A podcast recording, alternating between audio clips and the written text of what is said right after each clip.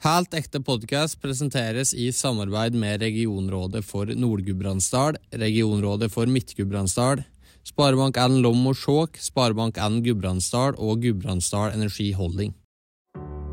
Du hører på Helt ekte med næringsliv i Gudbrandsdalen. I denne podkasten skal vi prate med gründere, eiere og ledere i bedrifter fra Gudbrandsdalen. Mitt navn er Eskil Vasser Rollberg, og dagens gjest er World Cup Kvitfjell, representert ved leder for organisasjonskomiteen, Ole Kristian Kirkerud. Siden 1993 har det blitt arrangert World Cup-renn i alpint i Kvitfjell. Det hele starta da OL ble lagt til Lillehammer, og siden den gang har skibakkene i Kvitfjell vært fylt med verdens beste alpinister. I dag er Kvitfjell blitt en arena med andre arrangement og konferanser, og i 2023 ble næringslivskonferansen Summit Kvitfjell avholdt for første gang. I denne samtalen vil dere få høre mer om hvordan World Cup i Kvitfjell har utvikla seg fra 93 og fram til i dag, hva Summit Kvitfjell er for noe, og hva Kvitfjell har betydd for reiselivet i Gudbrandsdalen. Velkommen til Helt ekte, Ole Kristian. Tusen takk for det. Hvordan står det til for tida? Nei, det er hektisk, hektisk, om dagen. Det er akkurat gjennomført World Cup for, for, menn, og nå er det kvinnene som kommer om en uke. Så nå drar det seg veldig til vi rekker ikke å lade opp før vi må på igjen med nytt arrangement. Så det går slag i slag nå gjennom vinteren. Ja. Jeg ser for meg at det er skikkelig høytid nå, eh, ikke sant? men det har jo vært en planleggingsprosess går ut ifra som har, pågått i lang tid. Ja, altså det å holde på med World Cup i Kvitfjell og arrangement, så det er et prosjekt som, eh, som går hele året. Så, så, i ulike faser gjennom året. Så, men så drar det seg veldig til de siste tre månedene. Så så da kobler vi på fagsjefer, og 37 fagsjefer, så da er det full fart. Mm. Det er det. Ole Kristian, du sitter jo som eh, leder for organisasjonskomiteen for eh, World Cup i Kvitfjell. Eh, for å ha den rolla ser jeg for meg at det er en fordel å ha eh, interesse i alpinsport nå, eh, sjølsagt. Eh, hva er din bakgrunn i, i forhold til sporten? Alltid, alltid holdt på med alpint. Jeg begynte jo å kjøre aktiv alpinist tidligere. og Kjørte jo aldri i World Cup, ble aldri så god, men jeg var prøvekjører en gang i Hafjell. Ellers har jeg kjørt masse Europacup og NM og, og, holdt på mye med alpint helt til jeg ble et par og tjue år. Uh, og etter det så har jeg jobba både innenfor retail og industri. Så at det, å ha en god bakgrunn, en god blanding av ulike bransjer i forhold til den rolla vi har nå i worldcupen, det tror jeg er en stor fordel. Og så ha en god kommersiell bakgrunn i tillegg til idretten. Mm. Eh, når OL på Lillehammer ble eh, arrangert i 94, så har jeg òg hørt rykter om at du var direkte involvert i, eh, i, det arrangementet. Ja, det er helt riktig. Jeg var, jeg, var, med i rennkomiteen. Jeg var den yngste, så jeg gikk rett Jeg, var nesten, jeg hadde omtrent ikke gitt meg på ski bare et år før, og så gikk jeg inn og ble med i rennkomiteen i Kvitfjell under OL. og Det var jo Superga utfor som var her oppe da også. Så, så, mange av de samme menneskene som var med i 94, er jo med i dag. Så, så, det er artig å se det igjen. Og jeg var, jeg var, borte noen år. Jeg var med til og med 95. Og så var jeg borte noen år fra Kvitfjell-arrangementet, og så kom jeg inn og var med i styret i selskapet en tre-fire år før. Og så gikk jeg på som daglig leder fra 2018. Og de samme menneskene er jo der, så det er jo veldig mange av de, så det er gøy å se det igjen. Mm. Det eh, selskapet som du, du er en del av, hva er det for et, eh, for et type selskap? Selskapet heter Hafjell Kvitfjell Alpin AS. Det er et arrangementsselskap som eies av de tre kommunene Lillehammer, Øyer og Ringebu, og Innlandet fylkeskommune. Og Norges Skiforbund sammen med Hafjell Alpinsenter og Kvitfjell Alpinsenter. Og så har Oppland Skikrets en liten eierandel. Så det er, eh, det er kommunalt eid i stor grad. Og så er det noe av idretten. Så det er et arrangementsselskap som har som ambisjon å gjennomføre internasjonalt store arrangement i Hafjell og i Kvitfjell. Eh, I nyere tid så, så har vi gjennomført VM i paraøvelser 2022 i, i Hafjell. Eh, og før den tid så har vi gjennomført 24 worldcuparrangement i Hafjell. Og på søndag nå, som vi kommer til, så hvis alt går bra med værforholdene på lørdag og søndag, det blir skirenn, det tror jeg det blir, så, så passerer vi 75 skirenn i Kvitfjell på, siden 1993. da. Så arrangementsselskapet har som mål å, å, å, utvikle og være i front og prøve å være nytenkende eh, og, og, jobbe framover og, og, og, se. Vi har en verdier i selskapet som, vi, vi, som er DNA-et vårt. Det er DNA, det er dedikert, det er nytenkende og ansvarlig. Så det er på en måte verdiene vi jobber for, og så skal vi skape fremtidens worldcup-opplevelser. Og i det så ligger det at vi skal sammenligne oss med de store, og også på sommeridretter. Og så skal vi være i front og prøve å gjøre worldcupen på vår måte. Og det jobber vi med hele året. Det er på en måte når vi er ferdig nå eh, etter neste uke, så begynner vi med evaluering. Og da evaluerer vi alle fagområdene våre i, i, eh, i selskapet, arrangementet, og, og, ned på minste detaljer. Og, og, bruker det inn i en svær evalueringsrapport, som da blir eh, tatt ned igjen til stikkordsform, sånn at vi kan bruke det inn mot neste års arrangement. Så vi hele tiden er i utvikling. For det med World Cup i Kvitfjell er jo et, eh, det er rett og slett et kjempeprosjekt. Og eh, i et sånn type prosjekt så må alle detaljer sitte også. Det er uh, veldig mye detaljer med så mye TV-selskap som er inne i bildet. og Uh, og alt vi jobber med, så, så, så, er det mye details. Det er akkurat som du kommer, Jeg har jobba 18 år med retail, og det er sammen at det, Eh, retail is detail. Og det er det samme her. Det er rett og slett uh, mye detaljer som må sitte for at uh, alt skal fungere. Mm. Og du er da leder, som sagt, for, for den organisasjonskomiteen. Hva er på en måte dine arbeids, primære arbeidsoppgaver? Det er ganske omfattende. Vi, sånn som det er nå for dette, det året her, så omfatter vi, vi omsetter for omtrent 40 millioner. Og er 1,8 årsverk. Og eh, jeg, jeg har et av de der vi, der vi, jobber med mye med rekruttering av funksjonærer, men det å også få inn riktige og nøkkelpersoner, eh, fagsjefer. Vi har 37 fagsjefer nå, og mange har vært med over mange år. Men så har vi vært i sterk utvikling de siste årene, og så få, få fylt på med ulike eh, fagområder og nye fagsjefer som tar sitt ansvarsområde og, og, og kan være med å løfte worldcupen videre. Det, det jobber vi mye med.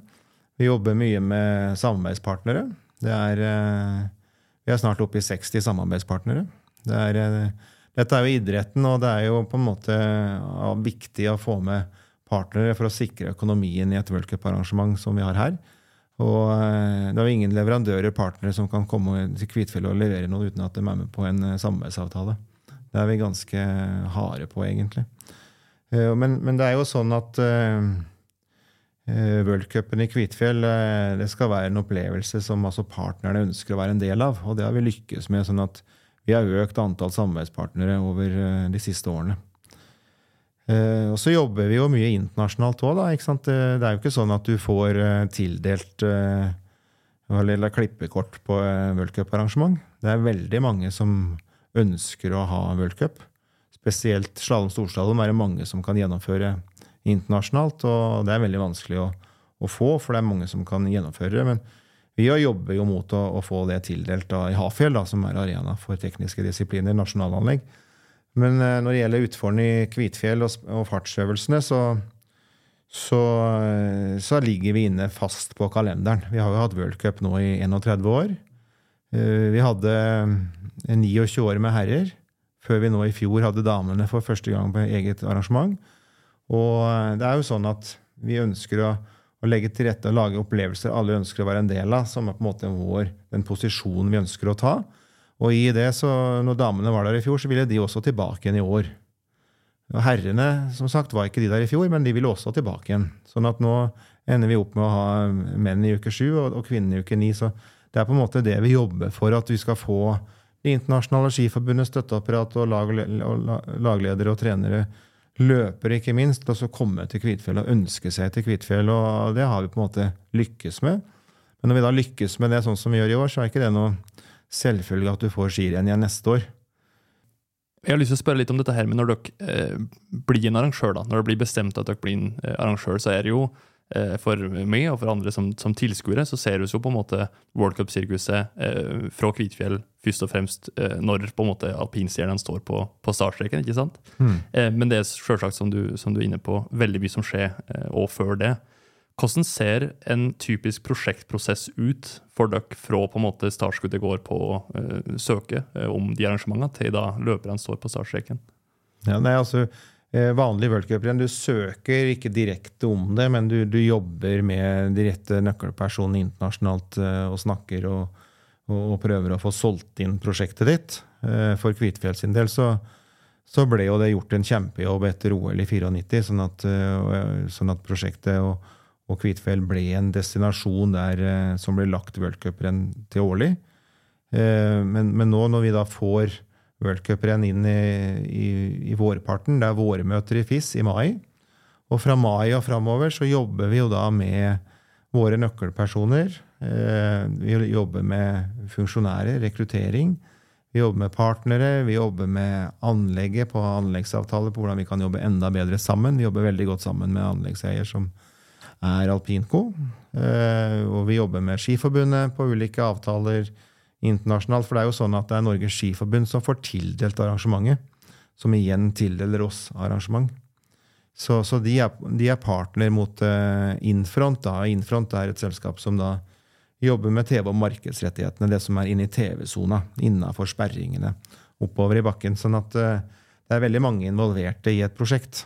Uh, og så er det jo utstyr, det er logistikk på det. det er, vi, vi, sitter jo på mye utstyr i nasjonalanlegget i Kvitfjell, og det skal vedlikeholdes. Det skal investeres i, i ny infrastruktur, nytt, ny, nytt utstyr til bakke, løype, sikringsutstyr og ikke minst bygninger som må hele tida vedlikeholdes i arrangementet vårt, altså i målområdet og på start og nedover langs løypa. sånn at det er, det er alltid investeringer knytta til et worldcuparrangement. Um, så, så det, er, det, det, er, veldig mye som skjer hele året, kan du si. Skal du klare å levere på det nivået vi ønsker, og i den utviklingen vi er, så, så jobber vi også veldig mye mer med sidearrangementene for å utvikle mye mer rundt selve det sportslige arrangementet. Så det tror jeg kommer litt inn på seinere i sendinga. Det gjør oss helt sikkert. Mm. Du nevner Alpinco. Vi var jo så heldige for et par uker siden å ha ei episode i hop med eh, Alpinco her i, i Helt ekte. Eh, hvordan fungerer det samarbeidet mellom dere? Altså, hva er rollefordelinga der?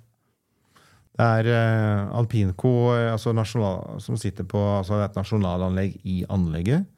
Uh, og vi, uh, vi, vi, jobber jo tett på med, sammen med Alpinco, som Alpinco som produserer snøen, preparerer bakken eh, og henger opp noe av nettene. Eh, og vi gjør en del av det. Det er jo i et samarbeid. Eh, så, sånn at det også, også investeringer og hvordan vi skal utvikle det. Infrastruktur og bakkeprofiler og ting som må endres i, i løypa, gjør vi også i fellesskap og kikker inn på. sånn at det er jo utrolig viktig å ha med seg en solid eh, Eh, solid eh, eier som Alpinco, som ønsker og har hjerte for alpinsporten. Det er viktig, og det samarbeidet vi har, er jo helt utmerket på alle måter. og Sånn som, sånn som vi har utvikla det samarbeidet de siste årene, så har vi også klart å, å styrke, styrke, det kommersielle i det. Sånn at du Nå jobber vi Jeg føler på en måte at vi i arrangementsselskapet også jobber veldig mye med destinasjonsutvikling i forhold til det arbeidet vi gjør rundt worldcupen.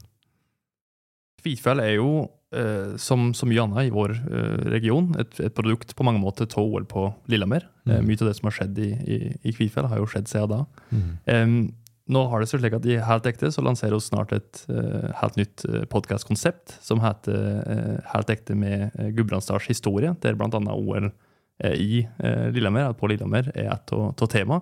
så skal la den delen få lov til å gå dypere inn i, i historiedelen. Men jeg har likevel lyst til å spørre deg omkring det anlegget som ble uh, satt opp i forbindelse med, med, OL. På det tidspunktet var det sjølsagt at anlegget skulle bestå òg etter eh, OL? Du, du, vet at uh, uten OL i 94 så hadde det ikke blitt noe Kvitfjell. Uh, og det at vi har klart å få worldcup til Kvitfjell i etterkant av OL, har jo vært helt avgjørende og satt uh, destinasjonen på kartet helt fra, fra dag én. Eh, det som er verdt å nevne også, det er jo at worldcupen i Kvitfjell er den eneste årlige worldcupen som gjennomføres i en olympisk trasé.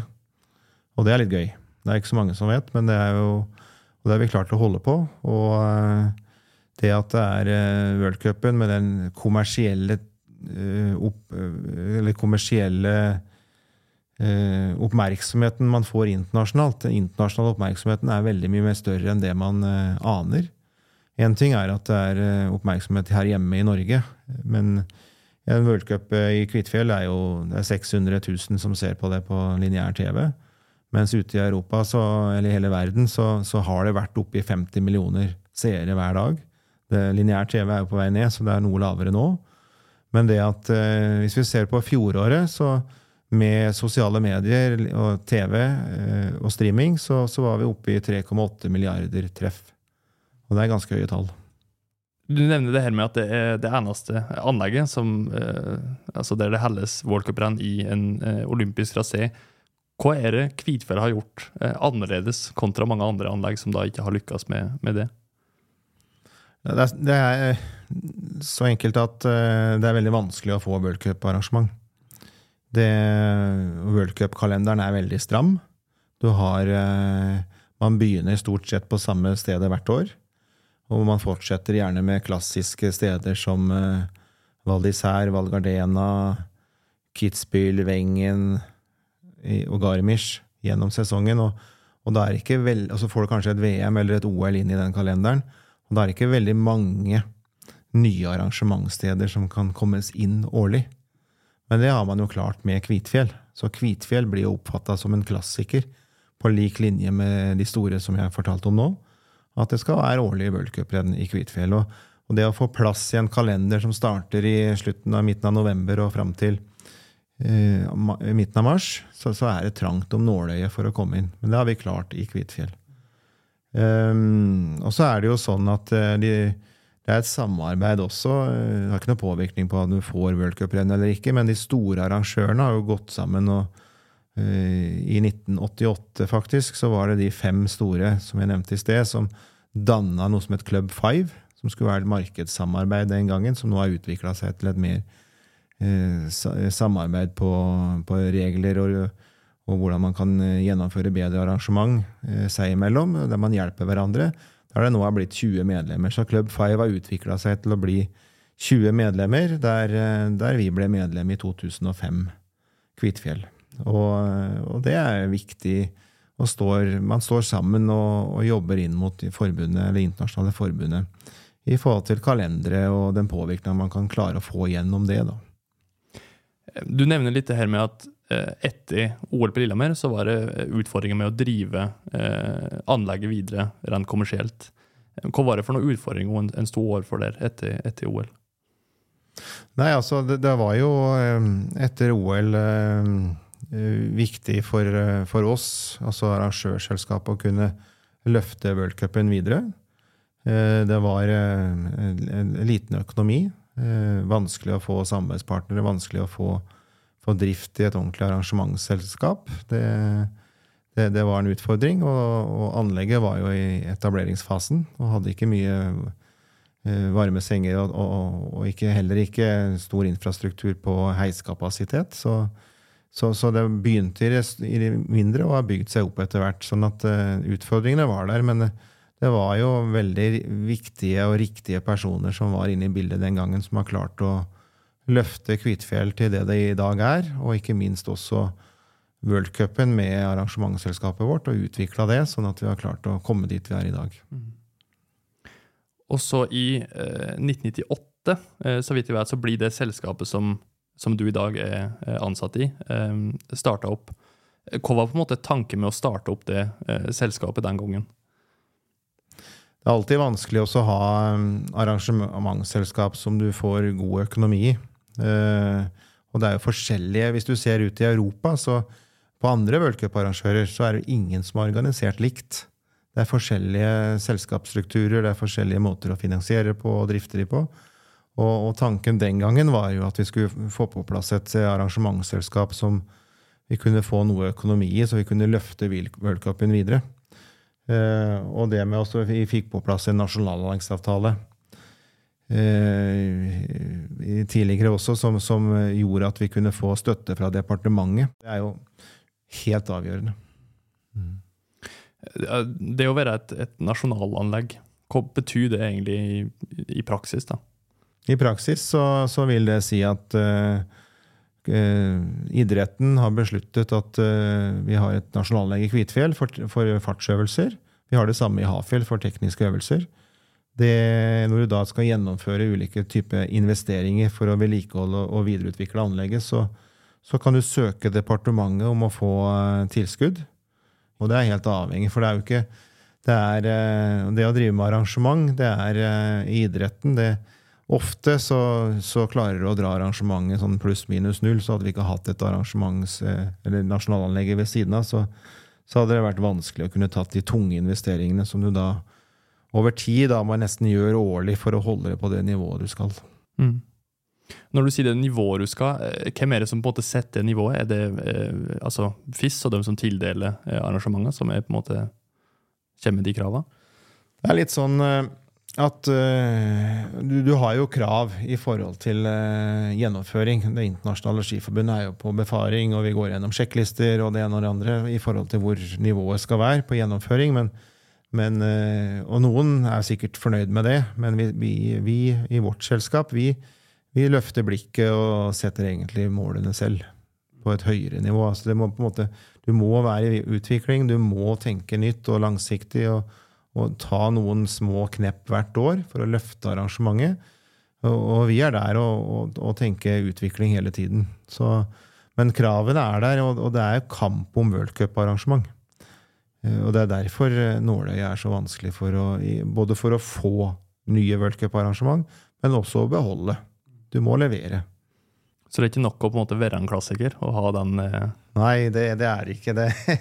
Du må, du må, levere, og du må eh, hele tida jobbe for å ha gode snøforhold, nok mennesker i bakken hvis det blir eh, dårlig mye snø.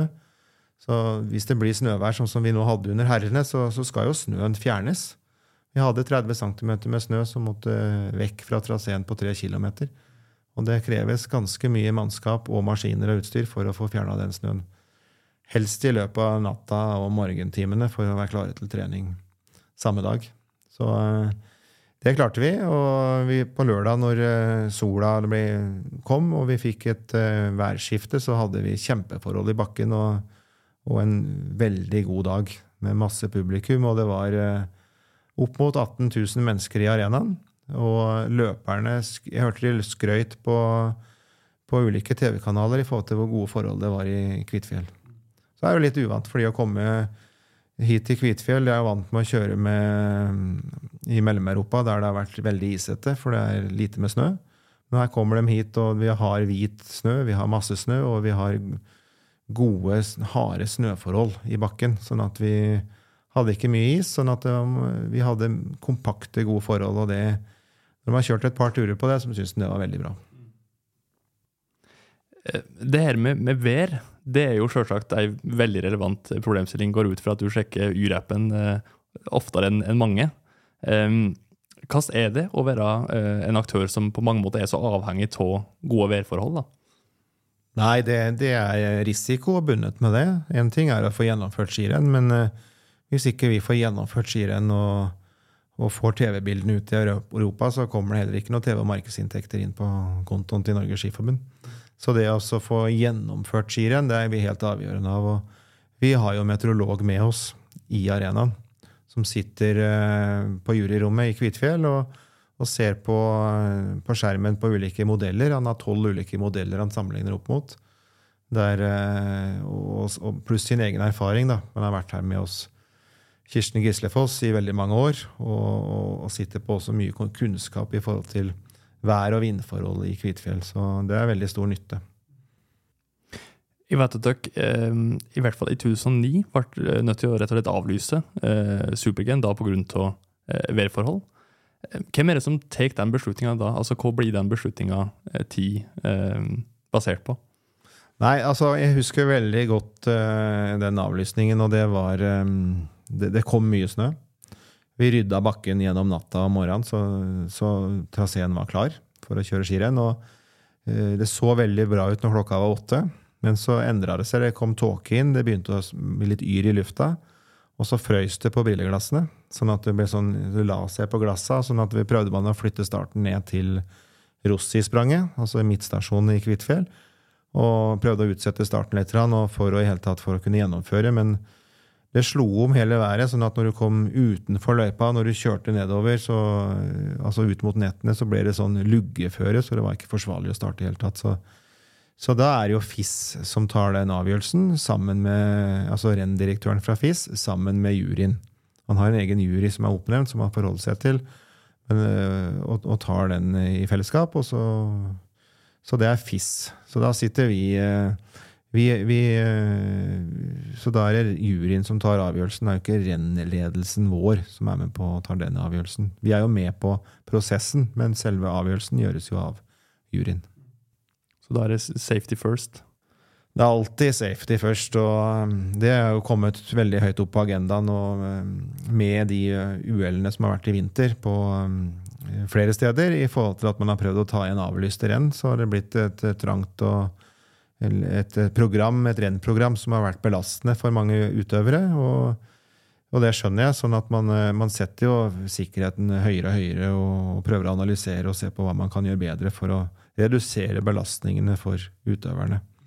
Nå har det jo blitt sånn at man skal til USA to ganger i året, f.eks. Det bør jo holde med én gang i året. Det er jo en stor reisebelastning. Og, eh, og du vet at eh, hadde ikke hadde, hadde, man hatt en mer fornuftig kalender, så tror jeg nok at vi hadde hatt et ekstrarenn i år på, på herrer fredagen. Og vi hadde helt sikkert også hatt det nå på damene neste uke. Så, men for å ta ned belastningen nå så sent på sesongen basert på de hendelsene som har vært i vinter, så, så, så FIS sammen med de ulike laglederne nå for damene da, besluttet at vi går for det originale programmet istedenfor å legge inn et ekstra skirenn. Så det er jo for å holde belastningen nede. da. Alpinsporten er jo en, eh, i aller høyeste grad en, en publikumssport. Og det er jo en av de tingene som dere eh, i Kvifjell har vært utrolig gode til. Du nevner sjøl det har vært 18 000 i, i, helga. Det er jo helt enorme mengder med, med, med publikummere. Um, og jeg vet at et av de prosjektene dere har i hvert fall eh, historisk sett drevet med, er et prosjekt som heter Prosjekt Publikum. Kan du prøve å fortelle litt om hva det, det prosjektet eh, gikk ut på? Ja, Prosjekt Publikum eh, det, det henger jo sammen med vi, vi, har veldig mange konsept. Og et av dem er jo Prosjekt Publikum. Vi har World Cup-parken som publikum skal være i. Altså Det er jo at vi bygger publikumsområdene interessante Eh, i målområdet, så, sånn at det kan være eh, fint å mingle utenom selve rennet også. Nå har vi med oss 22 eh, stander fra ulike samarbeidspartnere, og vi har Gudbrandsdalsveien er med oss. Vi har, gjør mye for publikum, og vi legger stor vekt på Så har vi en egen arenaproduksjon som, som hjelper NRK. Altså, vi har to utegående spikere med kameraer. Vi har eh, god spiker som, som, får opp god stemning. Vi har et bra lydnivå i, i arenaen. og vi er veldig, vi er proffe på det området. Jeg, jeg har jo vært på mange worldcuper enn andre steder i Europa. og Når det gjelder på arenaproduksjonen vår, så er vi på et eget nivå.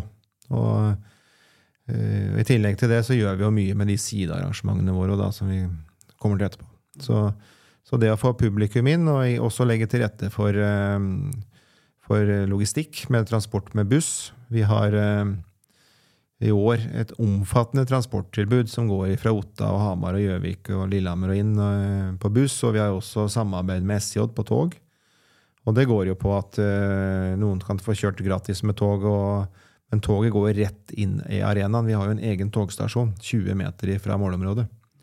Uh, og det å kjøre tog i 8.02 fra Oslo, så er du 10.40 i Kvitfjell. Og renstart 11, så er jo det helt perfekt nå til helga. Du tok over eh, etter en Sven Mundal i 2018. Ja, stemmer det. Sven han er jo en som har vært med i eh, ja, World Cup i Kvitfjell i, i, i, riktig mange år, vel egentlig helt siden eh, OL i, i 94. Hvordan var det for deg å komme inn eh, i den rolla og skulle på en måte eh, fylle de skoene den gangen? Nei, det syns jeg, jeg har gått egentlig veldig fint. Eh, jeg var jo med Svein når vi drev i under OL i 94, og, og, i forkant av det. Og jeg har kjent Svein hele tiden. Og jeg så egentlig fram til det, å kunne trå inn i de skoa og ta over etter han. Altså det, det tror jeg også har utvikla seg fint i etterkant. Uh, og det har jo vært sånn at han har jo vært svært viktig å få de årlige worldcupene til Kvitfjell. Og han har på en måte bygd grunnmuren som jeg har tatt over og bygd videre på, kan du si. Så, så, for oss er det kjempeviktig at han er med videre, og han har en uh, liten rolle i organisasjonskomiteen enda. Og, uh, og, det er viktig, og vi, uh, vi, ønsker å ha han med videre. Så, Så på, på de ansvars- og oppgavene som vi, vi, legger til, da. Så jeg tror det går begge veier. Jeg tror han syns det er litt morsomt å se hvordan vi har klart å bygge worldcupen videre etter, på det han har skapt. Så, så jeg tror dette her har vært et godt samarbeid oss to imellom. Når du da kommer inn i 2018, hva var dine ambisjoner på, på det tidspunkt eh, for World Cup i Kvitfjell? Vi, vi, kom inn på en litt krevende periode, for etter worldcupen i 2018 så fikk vi, fikk vi en del eh, kritikk. Du kan si om det var berettiget eller uberettiget, men vi, vi fikk nå i hvert fall en, det var summen av flere småting som gjorde at det var worldcupen i Kvitfjell var kanskje satt litt i spill. Hvor virkelig det var, det er vel en annen sak, men det var i hvert fall mange som diskuterte på at man, man i verste tilfelle kunne miste worldcupen. Eh, men det hadde vi ikke så veldig mye fokus på. Vi hadde fokus på så vi gikk inn og så på hva kan vi gjøre bedre. Og vi jobba med innkvartering, vi jobba med maskiner ute i anlegget. Vi jobba med hvordan vi kunne styrke og bedre underlaget, altså snøen. Hvordan vi kan forberede det allerede fra senhøstes, eh, før vinteren, før snøen kommer. Og vi jobba med personal og få mer alpinkompetanse inn. Eh, man trenger jo mange forskjellige typer funksjonærer inn. Vi trenger de som eh, forstår alpin og alpinsport. Vi trenger de som kan eh, gjøre andre ting utenom løypa, isolert sett. Så jobba vi også med nøkkelpersoner og kulturen, og vi har klart også å bygge veldig mye bra ut av det videre. Sånn at når worldcup-sirkuset kom tilbake igjen i Kvitfjell i 2019, så um, var man svært fornøyd. Og eh, så har vi bygd videre på det fra 2019 og fram til i dag med mye forskjellige ting videre. Så eh, kommer inn på det etterpå igjen, men, men worldcup i Kvitfjell og det vi holder på med her oppe, det er blitt lagt merke til internasjonalt. Mm. Ja, for nå har det vært nevnt noen ganger, men i eh, de siste åra så har dere eh, arrangert og diverse konferanser. Um, I fjor så arrangerte dere for første gang det som heter Sømmer Kvitfjell. Um, hva var det for ei, type konferanse? Hva er det for ei type konferanse? Konferansen er, det er nasjonal eh, næringslivskonferanse. Som begynte med, egentlig for tre år siden med Rossi-spranget, vår egen konferanse. Og så ville Visit Lillehammer være med oss på reisen. Og, og at vi tok inn Snowball-konferansen i fjor eh, under navnet Summit Kvitfjell.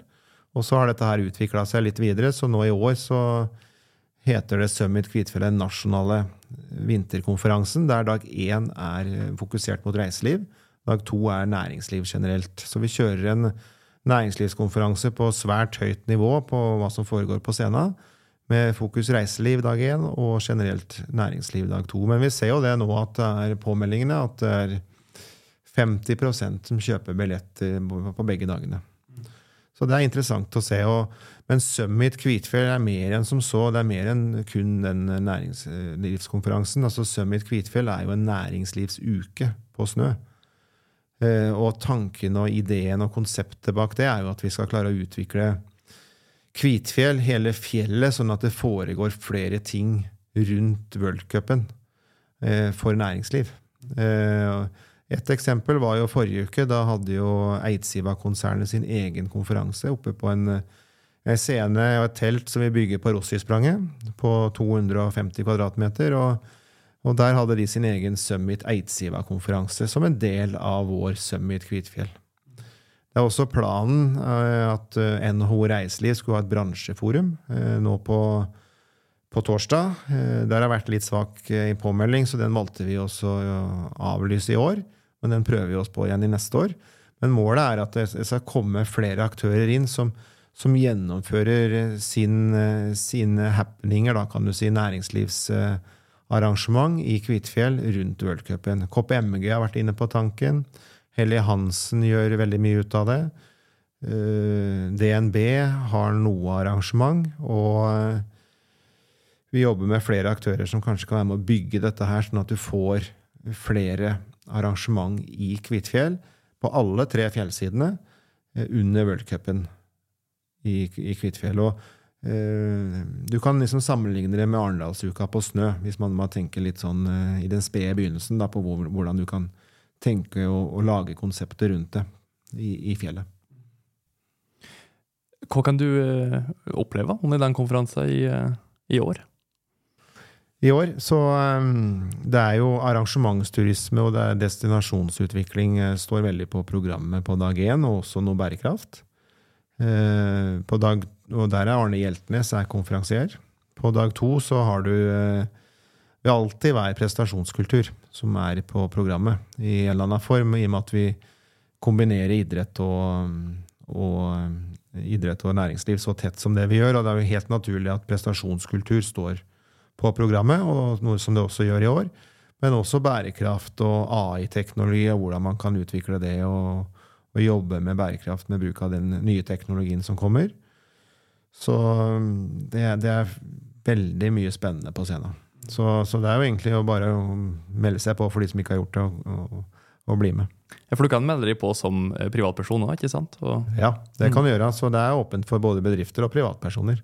Så da har vi valgt å, å, dele inn i to hjemmesider. altså at Du har World Cup Kvitfjell, som er den sportslige delen, og så har du Summit Kvitfjell, som er eh, sidearrangementene våre. da. Du har jo eh, erfaring både fra alpinsporten, men selvsagt fra, fra næringslivet sjøl. Er det noen særlige eh, egenskaper som du har timer ifra fra eh, du var eh, aktiv utøver sjøl og inn i, i, i næringslivet?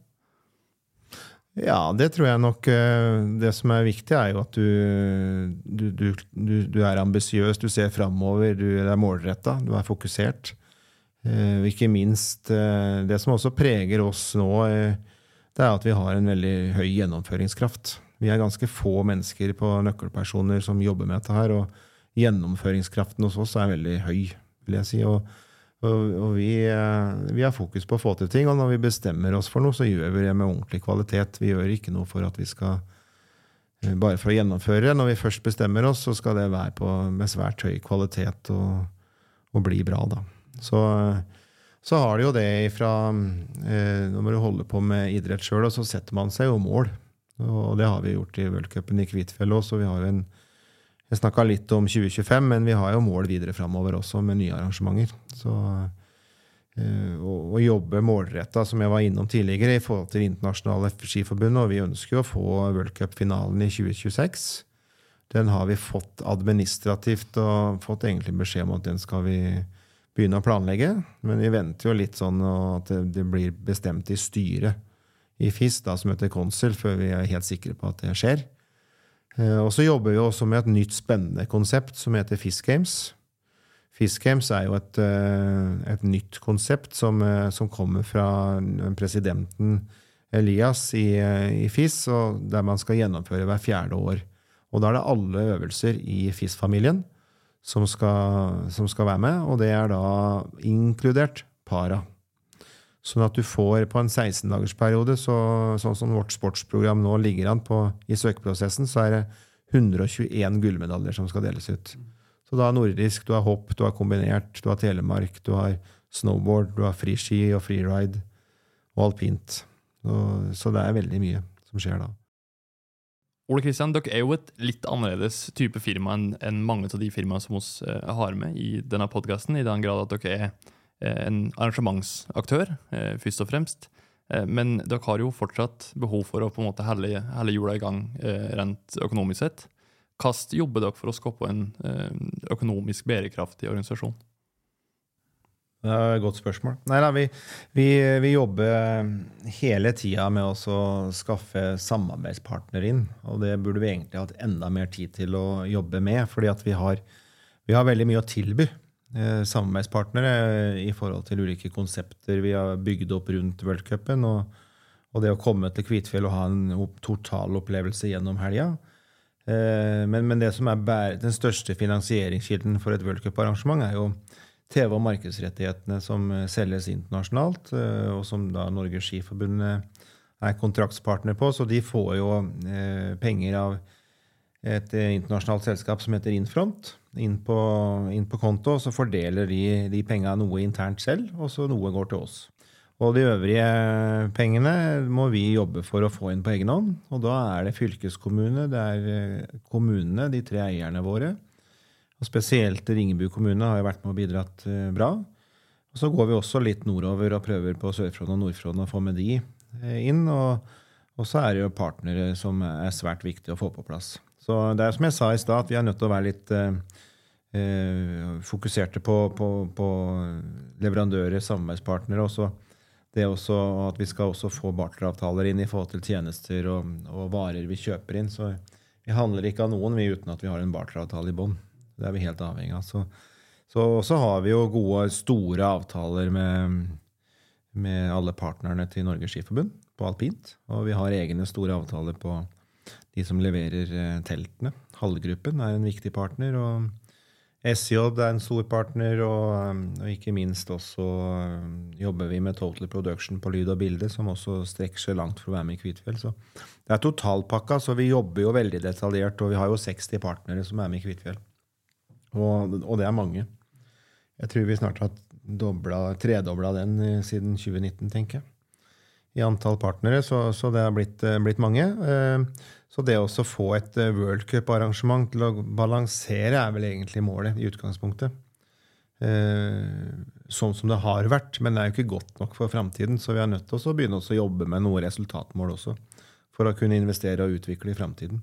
Men det var litt også tanken når vi da begynte med Summit Kvitfjell og sidearrangementene våre. altså Vi må bare innsette det at eh, det er ikke lett å få det sportslige til å gå i pluss, men, eh, men sidearrangementene, hvis vi gjør de bra på et høyt nivå, så er det mulig for oss å kunne utvikle det og ha en god, eh, en, en, en god plan på å få det noe i pluss. da, Og ha eh, en god forretningsstrategi på det. Og det jobber vi målretta med å få til. Og nå er det jo hvert tre år med, med sidearrangement som, med konferanser. og nå i det fjerde året så, og framover så, så, ser vi på hvordan vi kan utvikle det videre. Eh, og det er helt klart at eh, det sportslige kan få sine partnere, men næringslivskonferansene våre vil på sikt nå også få egne selvstendige partnere. Det er jo noen som er med oss nå også, men eh, der kan vi få flere. Så eh, vi jobber jo, så har vi billettinntekter vi lever av på det, men eh, vi skal se åssen vi kan kanskje optimalisere billettinntektene og se om vi ligger på riktig nivå på det. Men jeg tror vi skal jobbe med å få inn bedre, større partnere på det. Og for på det nivået vi ligger nå, så tror jeg potensialet er, å, er bra for oss å kunne få inn eh, også andre aktører enn de som eh, normalt sett eh, er, et, er, er sammen med på alpint. Da. Så nye, nye inn, da. I forhold til dette her med de internasjonale gjestene, um, så er det jo slik at vi uh, lever i en tid der det er en del værutfordringer. Um, der vi prater om at det er for dødt, men det er jo absolutt i, i høyeste grad, i, i, selv i Sør-Europa, med varmere vintre. Hva tror du det kan bety for uh, Kvitfjell? Jeg tror vi har en helt unik posisjon i forhold til uh, når løperne kommer til Norge og Kvitfjell i år. så Det første man hører, er jo at her er det hvit snø. Og det hørte vi også for eh, tre-fire år siden. Så det, ikke, så det, har jo vært utfordring med Mellom-Europa på det her lenge. Og, og det å komme til, til, oss og oppleve ordentlige vinterforhold og, og, stabil vinter er jo bare, bare positivt. Og ikke minst i forhold til det vi snakka om tidligere, at i forhold til tildeling av arrangement og det å tildele worldcup-arrangement til uh, vår region. Det er jo en, en form for sikkerhet òg. Normalt sett så er det jo stabile, gode vinterforhold her. Og også lysforholdene er viktig. sånn at det er jo Her også eh, sitter jo vi veldig bra eh, geografisk til. sånn at det å ha worldcup-arrangement i vår region og i Kvitfjell er jo veldig sikkert da, i mange sammenhenger. Men samtidig så er det viktig for oss at det blir vinter i Mellom-Europa òg. For hele leverandørindustrien til den bransjen og den idretten vi driver med, er jo helt avhengig av av gode vintre i Europa og internasjonalt, sånn at de får uh, omsetning og selger utstyret og produktene sine. Sånn at alt henger sammen med alt. Jeg tenker litt på dette her med å skape uh, eierskap til et arrangement. Altså du kan si World Cup i Kvitfjell er jo noe som oss gudbrandsdøler er veldig stolte av. ikke sant? Det er noe vi gjerne mm, prater om når, når folk spør oss hvor vi er fra. Hvordan jobber dere for å skoppe det eierskapet? Altså for å skoppe den, den eierskapsfølelsen og det arrangementet fra oss som, som kommer herfra? Det å ha worldcup i, i hjembygda i, i Ringebu, det er jo helt unikt at vi har fått til. Og det er jo veldig mange funksjonærer som er med lokalt. Eh, og den, eh, den inspirasjonen det gir, og stoltheten ved å ha worldcup på hjemmebane, det er eh, Vi har kjørt undersøkelser på funksjonærene, og det er jo på en måte det å være med på noe og lykkes, er jo også mange som svarer av funksjonærene at de trives med det. Og jeg ser jo det når vi nå utvikler oss og hever oss, og det bygger jo stolthet. Det bygger eh, den internkulturen som gjør at du har lyst til å være med. Og når vi da er så heldige at vi har så mange flinke funksjonærer med oss, og ikke minst nøkkelpersoner, og vi får til det vi gjør i forhold til den utviklingen, og, så, så, bygger vi stolthet i bygda og, og, i hele regionen, egentlig. I hele Alpin-Norge. Eh, Norges Skiforbund hadde jo et avdelingsmøte på mandag nå etter eh, v-cupen nå i, herrer, og, og, noe som de snakka om der inne, det var den gode stemningen og de blide menneskene, funksjonærene, og den, eh, det vi har klart å få til her i Kvitfjell, hvor alle er positive. Mm. dette her med frivillighet det er jo en, en veldig sentral uh, del av World Cup i, i Kvitfjell. Uh, hvis du er frivillig, uh, Ottok, hva, hva får du lov til å være med på da? Som frivillig i Kvitfjell. Jeg pleier ofte å kalle det funksjonærer. Funksjonærer, yes. funksjonærer i Kvitfjell, så, så, så, får du jo vært uh, Det spørs du, du, kan jobbe på ulike typer arenaer. Du kan jobbe ute i bakken. Der kan du være med å skli løypa hvis du har skiferdigheter til det. Du kan være med å, som på en sone i bakken og være med å tilrettelegge og preparere opp den eh, sona sånn at den blir så optimal og bra som mulig. Du kan være med å, um, å passe på portene og, og, og, være med på løypestikking. Du kan være med på blåfarge og male de blå stripene du ser på TV-en. Du kan være med å henge opp nett. Du kan være med i arenaen og bygge opp arenaen. Du kan være med på rennsekretariatet, på mer backoffice-funksjoner, og du kan være med på de ulike sidearrangementene, og du kan være med på transport. Det er veldig mye fagområder. Vi har 37 fagområder som kan, vi trenger funksjonærer på.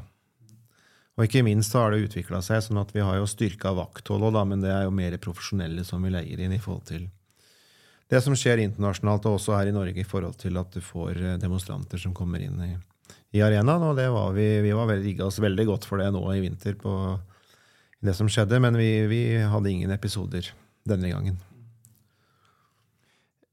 I 2013 så vant World Cup i Kvitfjell fakkelprisen. Eh, og den gangen så ble det sagt at vinneren har lykkes med å skape et sterkt engasjement til eh, sin virksomhet. De kombinerer frivillighet og profesjonalitet på en god måte. Hvordan kombinerer nettopp profesjonalitet og eh, frivillighet i, i, en slik organisasjon? For det første så gjør ikke vi noe i vår organisasjon uten at vi skal levere på høyt nivå. Eh, leverer vi på høyt nivå og vi setter høye krav og kommuniserer godt hvor, hvor, vi skal og hvilket nivå vi skal være på, så skaper det engasjement. Det skaper lyst til å være med. Det skaper eh, motivasjon og, og, for funksjonærer som, å, som blir en del av det. Når vi da lykkes med den eh, øvelsen på å, få til de ambisjonene vi setter, så skaper det en stolthet. Og det, og det, gjør jo at funksjonærene våre kommer igjen år etter år. De som er, eh, Og vi har jo ikke rekruttert funksjonærer mye fra klubber direkte. Det er mer enkeltpersoner som melder seg på av interesse og lidenskap for å være med på dette her. Men vi jobber også veldig mye med skoler. Vi har jo på, Ute i bakken så har vi jo skigymnas som vi jobber med for å ha et høyt nivå på skliere, men vi har også jobbet med folkehøyskoler. Vi jobber med internasjonale studenter på Høgskolen på Lillehammer, Høgskolen i Molde, Idrettshøgskolen i Oslo. Så vi jobber også veldig mye med skoler for å dekke opp de funksjonene vi trenger, da, både ute i løypa og, i, og på de ulike sidearrangementene som vi har. Så på worldcupen i forrige uke så var vi 560 funksjonærer inne. Vi har som mål også nå 800 med alt vi skal gjøre av arrangementer i vinter. og i går så var vi på 775 funksjonærer, så vi nærmer oss de 800 som vi har satt som mål. Så det tror jeg vi klarer. Men det å få 800 funksjonærer inn eh, som skal være med på de tre store arrangementene vi har da, nå i år, så, så, er det ganske bra. Det er mye mennesker, og alle skal jo bespises. Mange skal overnatte, for de reiser jo hit fra andre steder i Norge og skal være med. Eh, og Der jobber vi også med ulike overnattingssteder i nærområdet. Vi har jo egne food og beverage-ansvarlige som både styrer med kjøkkenet og, og kokker. Og vi lager jo mye mat. Vi lager jo mat til funksjonærene sjøl. Og dere har jo virkelig bygd et, et nettverk, kan en jo si, da, eh, i form av alle de forskjellige eh, avdelingene som dere jobber i, i hop med. Eller, altså, eh, de som er funksjonærer, de som er sponsorer, de som har, eh, sitter i FIS, de som sitter i, eh, i Skiforbundet. Og så vet dere jobber veldig tett med kommunene, som òg er i, i, vår region. kan du si litt om det, om det samarbeidet? Ja, Vi jobber jo veldig tett med Ringebu kommune spesielt. og Både på, på, utvikling av sidearrangementene, men også på, på worldcupen. Nå i år så, så, vi, så, har vi et felles arrangement med Ringebu kommune, som er um, 30 år etter OL på 94 minutter. Som gjennomføres um, fredag og lørdag kveld neste uke. Uh, og det blir veldig, veldig bra. Der er det mange lokale musikere som skal på scenen. Det kunstneriske er regissert opp av Dag Kolsrud. Eh, og jeg vet at der kommer det veldig mye spennende inn. Og vi har også med oss en veldig flink produsent, eh, Amund Dyrhaug, som er med på det. Så har vi eh, konferansier, er jo da Arne Hjeltnes. Så, så, den kvelden det kommer til å bli veldig bra og utsolgt, det er jeg helt sikker på. Det er 500 plasser, og vi nærmer oss utsolgt. så det er, eh, jeg tror det kommer til å bli veldig bra. Så her jobber vi veldig godt sammen med Ringbu kommune på, på den biten. Så det, det, det, blir veldig bra. Så, så, hvert år, og det vi har snakka litt med kommunen om òg, fordi de ønsker å være med å bidra inn i worldcupen, og det at vi sammen kan lage et kulturarrangement ved siden av det sportslige årlig framover, det er på en måte en ambisjon vi har satt oss som vi skal jobbe litt videre med. Jeg har lyst til å spørre litt om dette her med, med grønn omstilling og, og, og, bærekraft, for det vet jeg også er noe som dere er veldig eh, opptatt av. Mm. Um, jeg har sett at På hjemmesida deres så skriver dere at med vårt målretta arbeid, kontinuerlig forbedring, så søker oss om å bli en kunnskapsaktør innen det bærekraftige arbeidet. Mm. En, en foregangshub eh, for andre arrangører. Hvordan er det dere jobber med, med bærekraft og grønn omstilling? Vi, eh, vi jobber ganske målretta med det. Vi, vi, jobber, eh, vi har med eh, Maren, som jobber i Midt-Gudbrandsdal Renovasjon. Hun er ansvarlig i vår organisasjonskomité for miljø- og bærekraftsarbeidet. Vi eh, gjennomfører workshop med Innovasjon Norge for å se på hvordan vi jobber med vårt bærekraftsarbeid. Vi eh, har også jobba med fylkeskommunen i dette her arbeidet. Vi har også vært invitert inn i en eh, gruppe med, med ISO-sertifisering. De skal ISO lage en ny ISO-sertifisering. Så har jeg vært med i arbeidsmøter sammen med OL-arrangørene i Paris i forhold til miljø- og bærekraftsarbeidet. sånn at vi, vi jobber veldig mye, og, og, og vi har redusert vårt eh, redusert eh, avfallet vårt betraktelig de siste årene. Over 30% nesten 35 første året, og så har det vært, vi har klart å redusere hele veien. Så vi jobber målretta med det, og vi, vi, har en egen bærekraftstrategi. Vi har, eh, som, vi har, som, som, ligger offentlig, som vi jobber med og tar opp i organisasjonskomitémøter og, og informerer godt rundt. Og Én ting er miljø og bærekraft, men vi jobber også på sosial bærekraft. Så vi har et samarbeid med Mental Helse Ung, og som vi også eh, de er i, er i arenaen vår, og, og, vi er en samarbeidspartner, men eh, målet er at vi også kan få inn uh, yngre mennesker som, som, uh, som, er en del av denne organisasjonen, som vi kan få med som funksjonærer. Det er i hvert fall min tanke rundt det. Og vi jobber også med Barnekreftforeningen. Så, så vi jobber jo bredt, uh, bredt på det feltet, og, og, og, det med, og, det er viktig for oss. Det er veldig viktig. Og så prøver vi også å se på om vi klarer å være innovative, og se på om det er områder vi kan være i front på og utvikle oss på. og nå er vel neste steg at vi må sette oss litt mer ned med alpinanlegget og se på hvordan vi kan jobbe mer sammen i det arbeidet. For det er jo alpinanlegget som eh, prepper bakken med maskinene sine og legger snøen. Så at vi får til et, eh, også et, et, ytterligere bedre samarbeid på det området med alpinanlegget. Så, så her det er det mye som kan gjøres, og mye er gjort. Så, så vi søker hele tida ny kunnskap og har tenkt å utvikle oss videre i det arbeidet. Mm. Og så vet jeg at dere er veldig flinke til å bruke eh, altså lokale aktører når det gjelder dette her med mat- og drikkeservering f.eks. Mm. Hvorfor er det viktig for dere? Det er viktig å styrke lokalt næringsliv. Det, det, gjør vi i alt vi gjør på alle områder. Bruker vi mest mulig lokalt. Eh, og, Eh, vi, vi, produserer jo mye på eget kjøkken nå. Eh, vi har gjort noen investeringer i, i kjøkken, både på nytt, nytt, utstyr, men også at vi har bemanna opp og har egne kokker, profesjonelle kokker på et høyt nivå. Både for funksjonærene våre og sidearrangementene. Og så, og så jobber vi sammen med Annis på en god del, og det har vi gjort i mange år. Og Gudbrandsdalsvegen. Så, så, det er lokale aktører som leverer inn i, i våre sidearrangement. Nytt i år er jo at vi også løfter blikket litt. altså På næringslivskonferansene våre så, så, så tok jo OL, Norge OL-gull eh, med kokkene våre for litt siden. Og de kommer eh, både torsdag og fredag under konferansene og skal lage sine signaturretter. Så det blir jo veldig spennende. Vi har vært litt inne på dette her med enkeltpersoner og viktigheten av å ha eh, dyktige eh, funksjonærer eh, i eh, nøkkelroller. Hvor viktig er enkeltpersoner i en, en slik type organisasjon? Alle hos oss er like viktige. Det er uh, Uten de 500 funksjonærene som vi har med oss på en uh, worldcupuke, så hadde vi ikke klart å levere på det nivået. Og, og, og det å skape engasjementet, sånn at de de, de, leverer og ønsker å bidra. Det er viktig for oss. og Derfor så legger vi godt til rette for alle funksjonærene våre som er med inn. og Ikke minst med at de får noe funksjonærbekledning og, og noe ekstra. Og så får vi veldig god mat under World Cup-arrangementet. Men nøkkelpersonene våre, de, de, Noen har jo vært med i veldig mange år. Eh, helt siden før OL i 94. Og noen har kommet inn seinest i år. Eh, to-tre stykker så, av fagsjefer. Eh, og da er det viktig å, å, å, plukke de personene som du ser som kan være med å løfte og utvikle videre.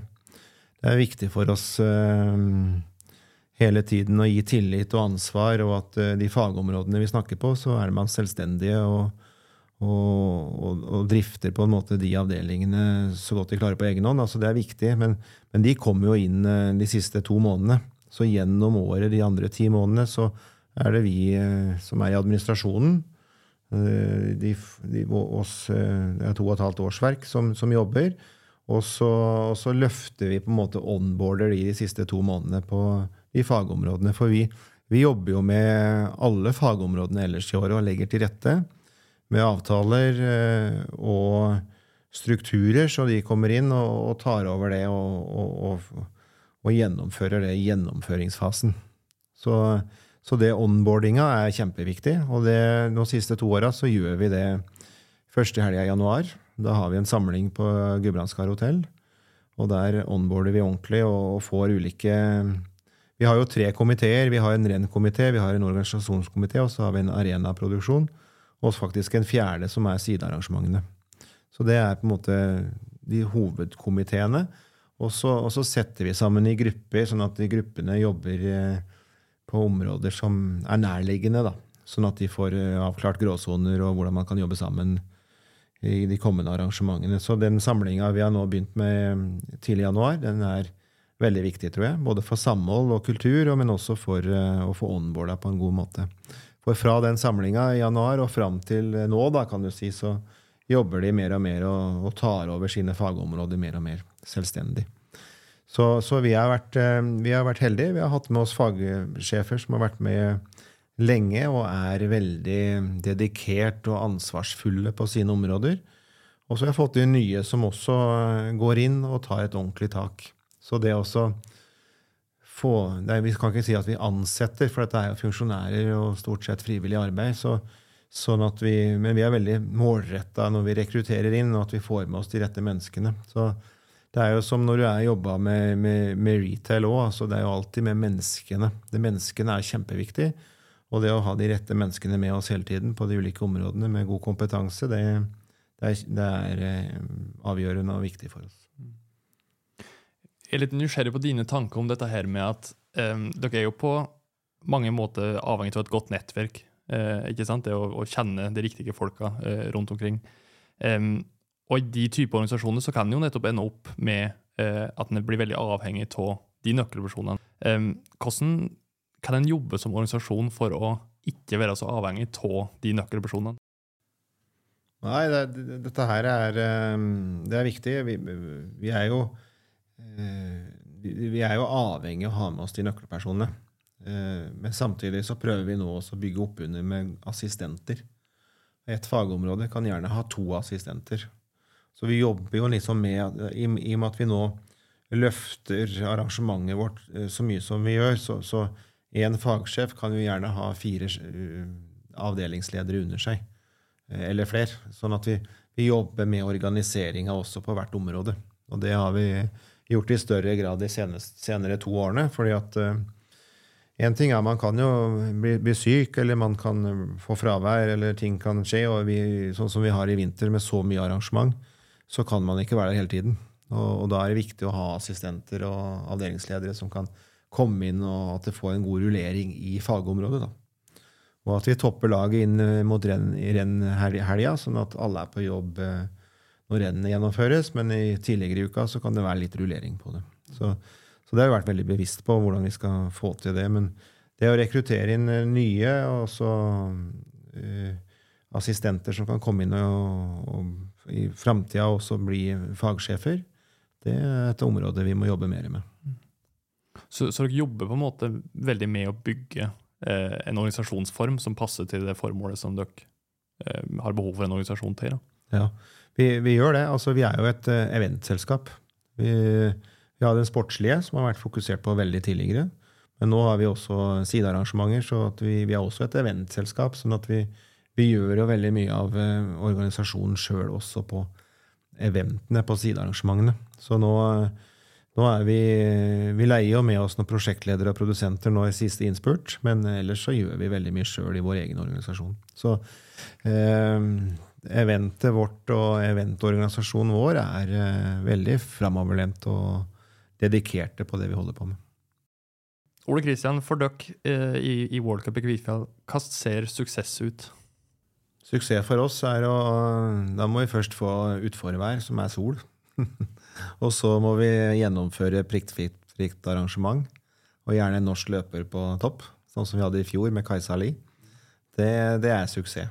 Når vi da får flotte TV-bilder ute i Europa, eh, eller hele verden, så, så, er det suksess som er veldig, veldig bra. Så, så som forrige uke, når vi hadde mennene her og vi fikk sol på lørdag. Det var bustete vær både forkant og etterkant. Og når vi da fikk fikk eh, så mye publikum inn, selv om vi ikke hadde noen løpere på start som kunne hevde seg i toppen, så, så var det en, eh, også en suksess.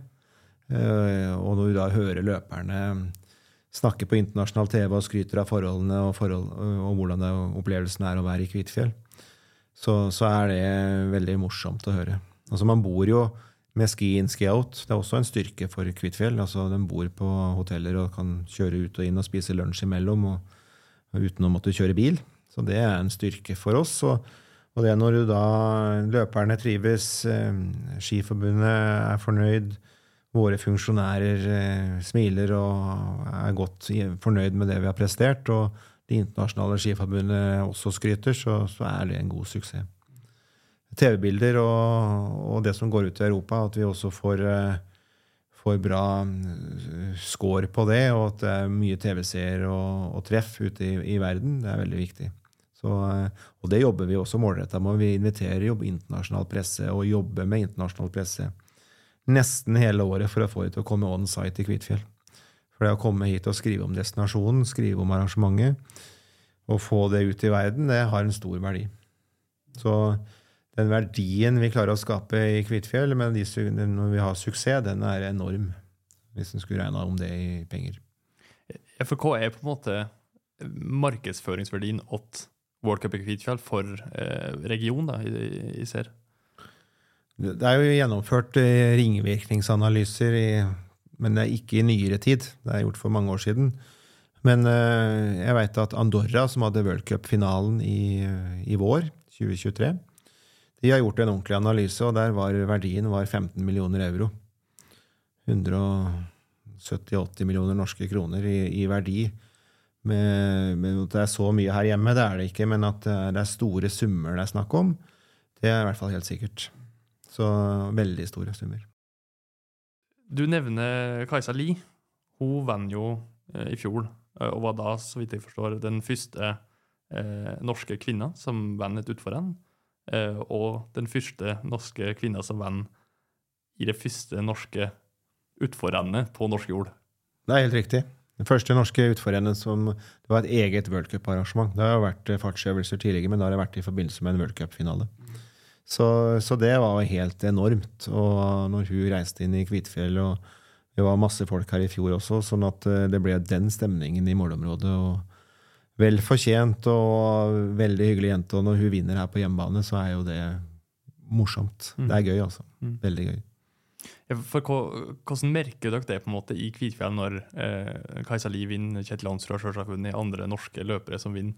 Gir en ekstra boost, liksom? På, Du ser jo den idrettsgleden, altså hvordan den sprer seg blant våre funksjonærer, blant publikum. Du får en veldig god stemning i hele området, og når du får norsk seier, som kanskje var litt overraskende òg, på hjemmebane i fjor, så, så får du en utrolig god boost i hele organisasjonen. Og det å være med å arrangere worldcuparrangement, og vi får en norsk seier, og for første gang i historien å skrive historie på hjemmebane i Kvitfjell, er jo veldig gøy. da. mm. Hvor er World Cup i Kvitfjellet om, eh, om ti år? Målet er at vi har eh, årlige renn både for eh, kvinner og menn. Eh, videre at vi regelmessig klarer å få worldcupfinalen til regionen. Da blir jo Hafjell kobla på også, med tekniske disipliner. Og så har du fartsøvelsen her i Kvitfjell. Så, så det er målet. Og så er det jo litt sånn at vi skal, vi skal ha Fisk Games.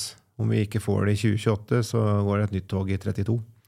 Så det tror jeg kan være veldig spennende for hele regionen. Og ikke minst eh, det OL-løpet som mange snakker om, det tror jeg er veldig langt fram. Det er mange år fram i tid.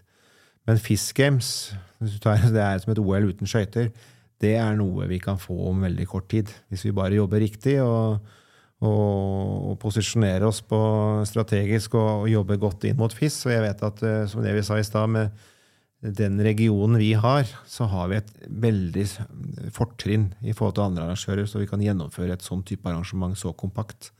Her oppe, i trygge og gode vinterforhold, så er det et uh, superspennende arrangement som jeg tror er veldig realistisk å kunne få. Mm. Hvis en skulle reflektere litt da, over Gudbrandsdalen og det området oss, eh, kommer ifra, hva er for dere de utfordringene vi har uh, her, som dere må, må løse i tida framover? Utfordringen er jo at eh, Det er et godt spørsmål, men det er, det er eh, Jeg ser heller muligheter, vet du. Eh, Nei, altså utfordringen er jo at eh, det, det, eller det er helt avgjørende for oss, det er at som vi, vi har den um, nasjonalanleggsavtalen i bånn, som jeg nevnte tidligere, som gjør at vi kan få statlig finansiering på de årlige investeringene som vi må gjøre hvert år. Det er helt avgjørende for worldcupen i Kvitfjell. Uh, videre er det jo også uh, funksjonærer. Det er jo på en måte hvordan vi skal uh, pleie de og sørge for at de, de kommer igjen år etter år. Og ikke minst ønsker vi også flere lokale som ønsker å være med inn i Kvitfjell fra regionen her. Og Fjøssystemer er jo en par, veldig spennende partner til Kvitfjell. Og de jo, gir jo ansatte fri med permisjon for å være med som funksjonær i Kvitfjell. Og vi jobber jo mot andre aktører på det samme, og det samme også at, at de kan gi ansatte fri med litt med permisjon, sånn at de kan være med i Kvitfjell. Og også lage også en beredskapstropp lokalt som også er viktig framover i forhold til uh, snø. At man kan være med å, å, å dra til Kvitfjell og hjelpe oss å rydde snø ja, fra tidlig om morgenen, fra f.eks. klokka seks fram til klokka ni-ti-tida, og så reise på ordinær jobb etterpå.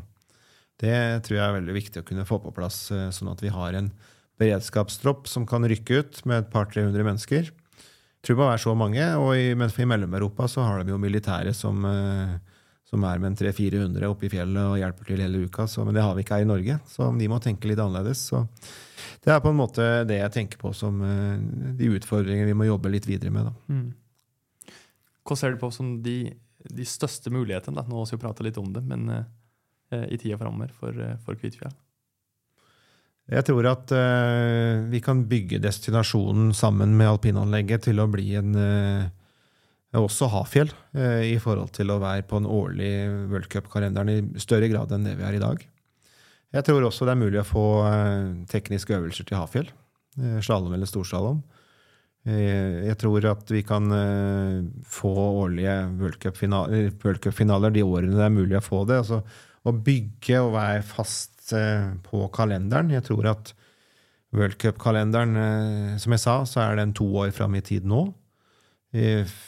Målet er at den skal kunne legges fram en fireårsplan, sånn som den har gjort eh, tidligere. og Det tror jeg vi kommer tilbake til, men litt fram i tid enda. Og gjennom det så kan det skape forutsigbarhet, sånn at du kan investere og se de lange linjene i forhold til å utvikle arenaen. Og vi ønsker jo også å bygge nytt arenahus i Kvitfjell. Eh, og det arenahuset må være på tørr grunn, sånn at vi ikke risikerer å få flom. Nå eh, ble vi jo ramma av flommen Hans 9. august, og det har eh, vært et omfattende arbeid etter den som vi ikke er helt ferdig med ennå. Og i de planene vi har framover, så er jo det å kunne bygge et nytt arenahus i Kvitfjell ved målområdet, som er på tørr grunn, sånn at vi kommer oss forhåpentligvis vekk fra alt det vannet som kan komme og ødelegge hele målområdet vårt.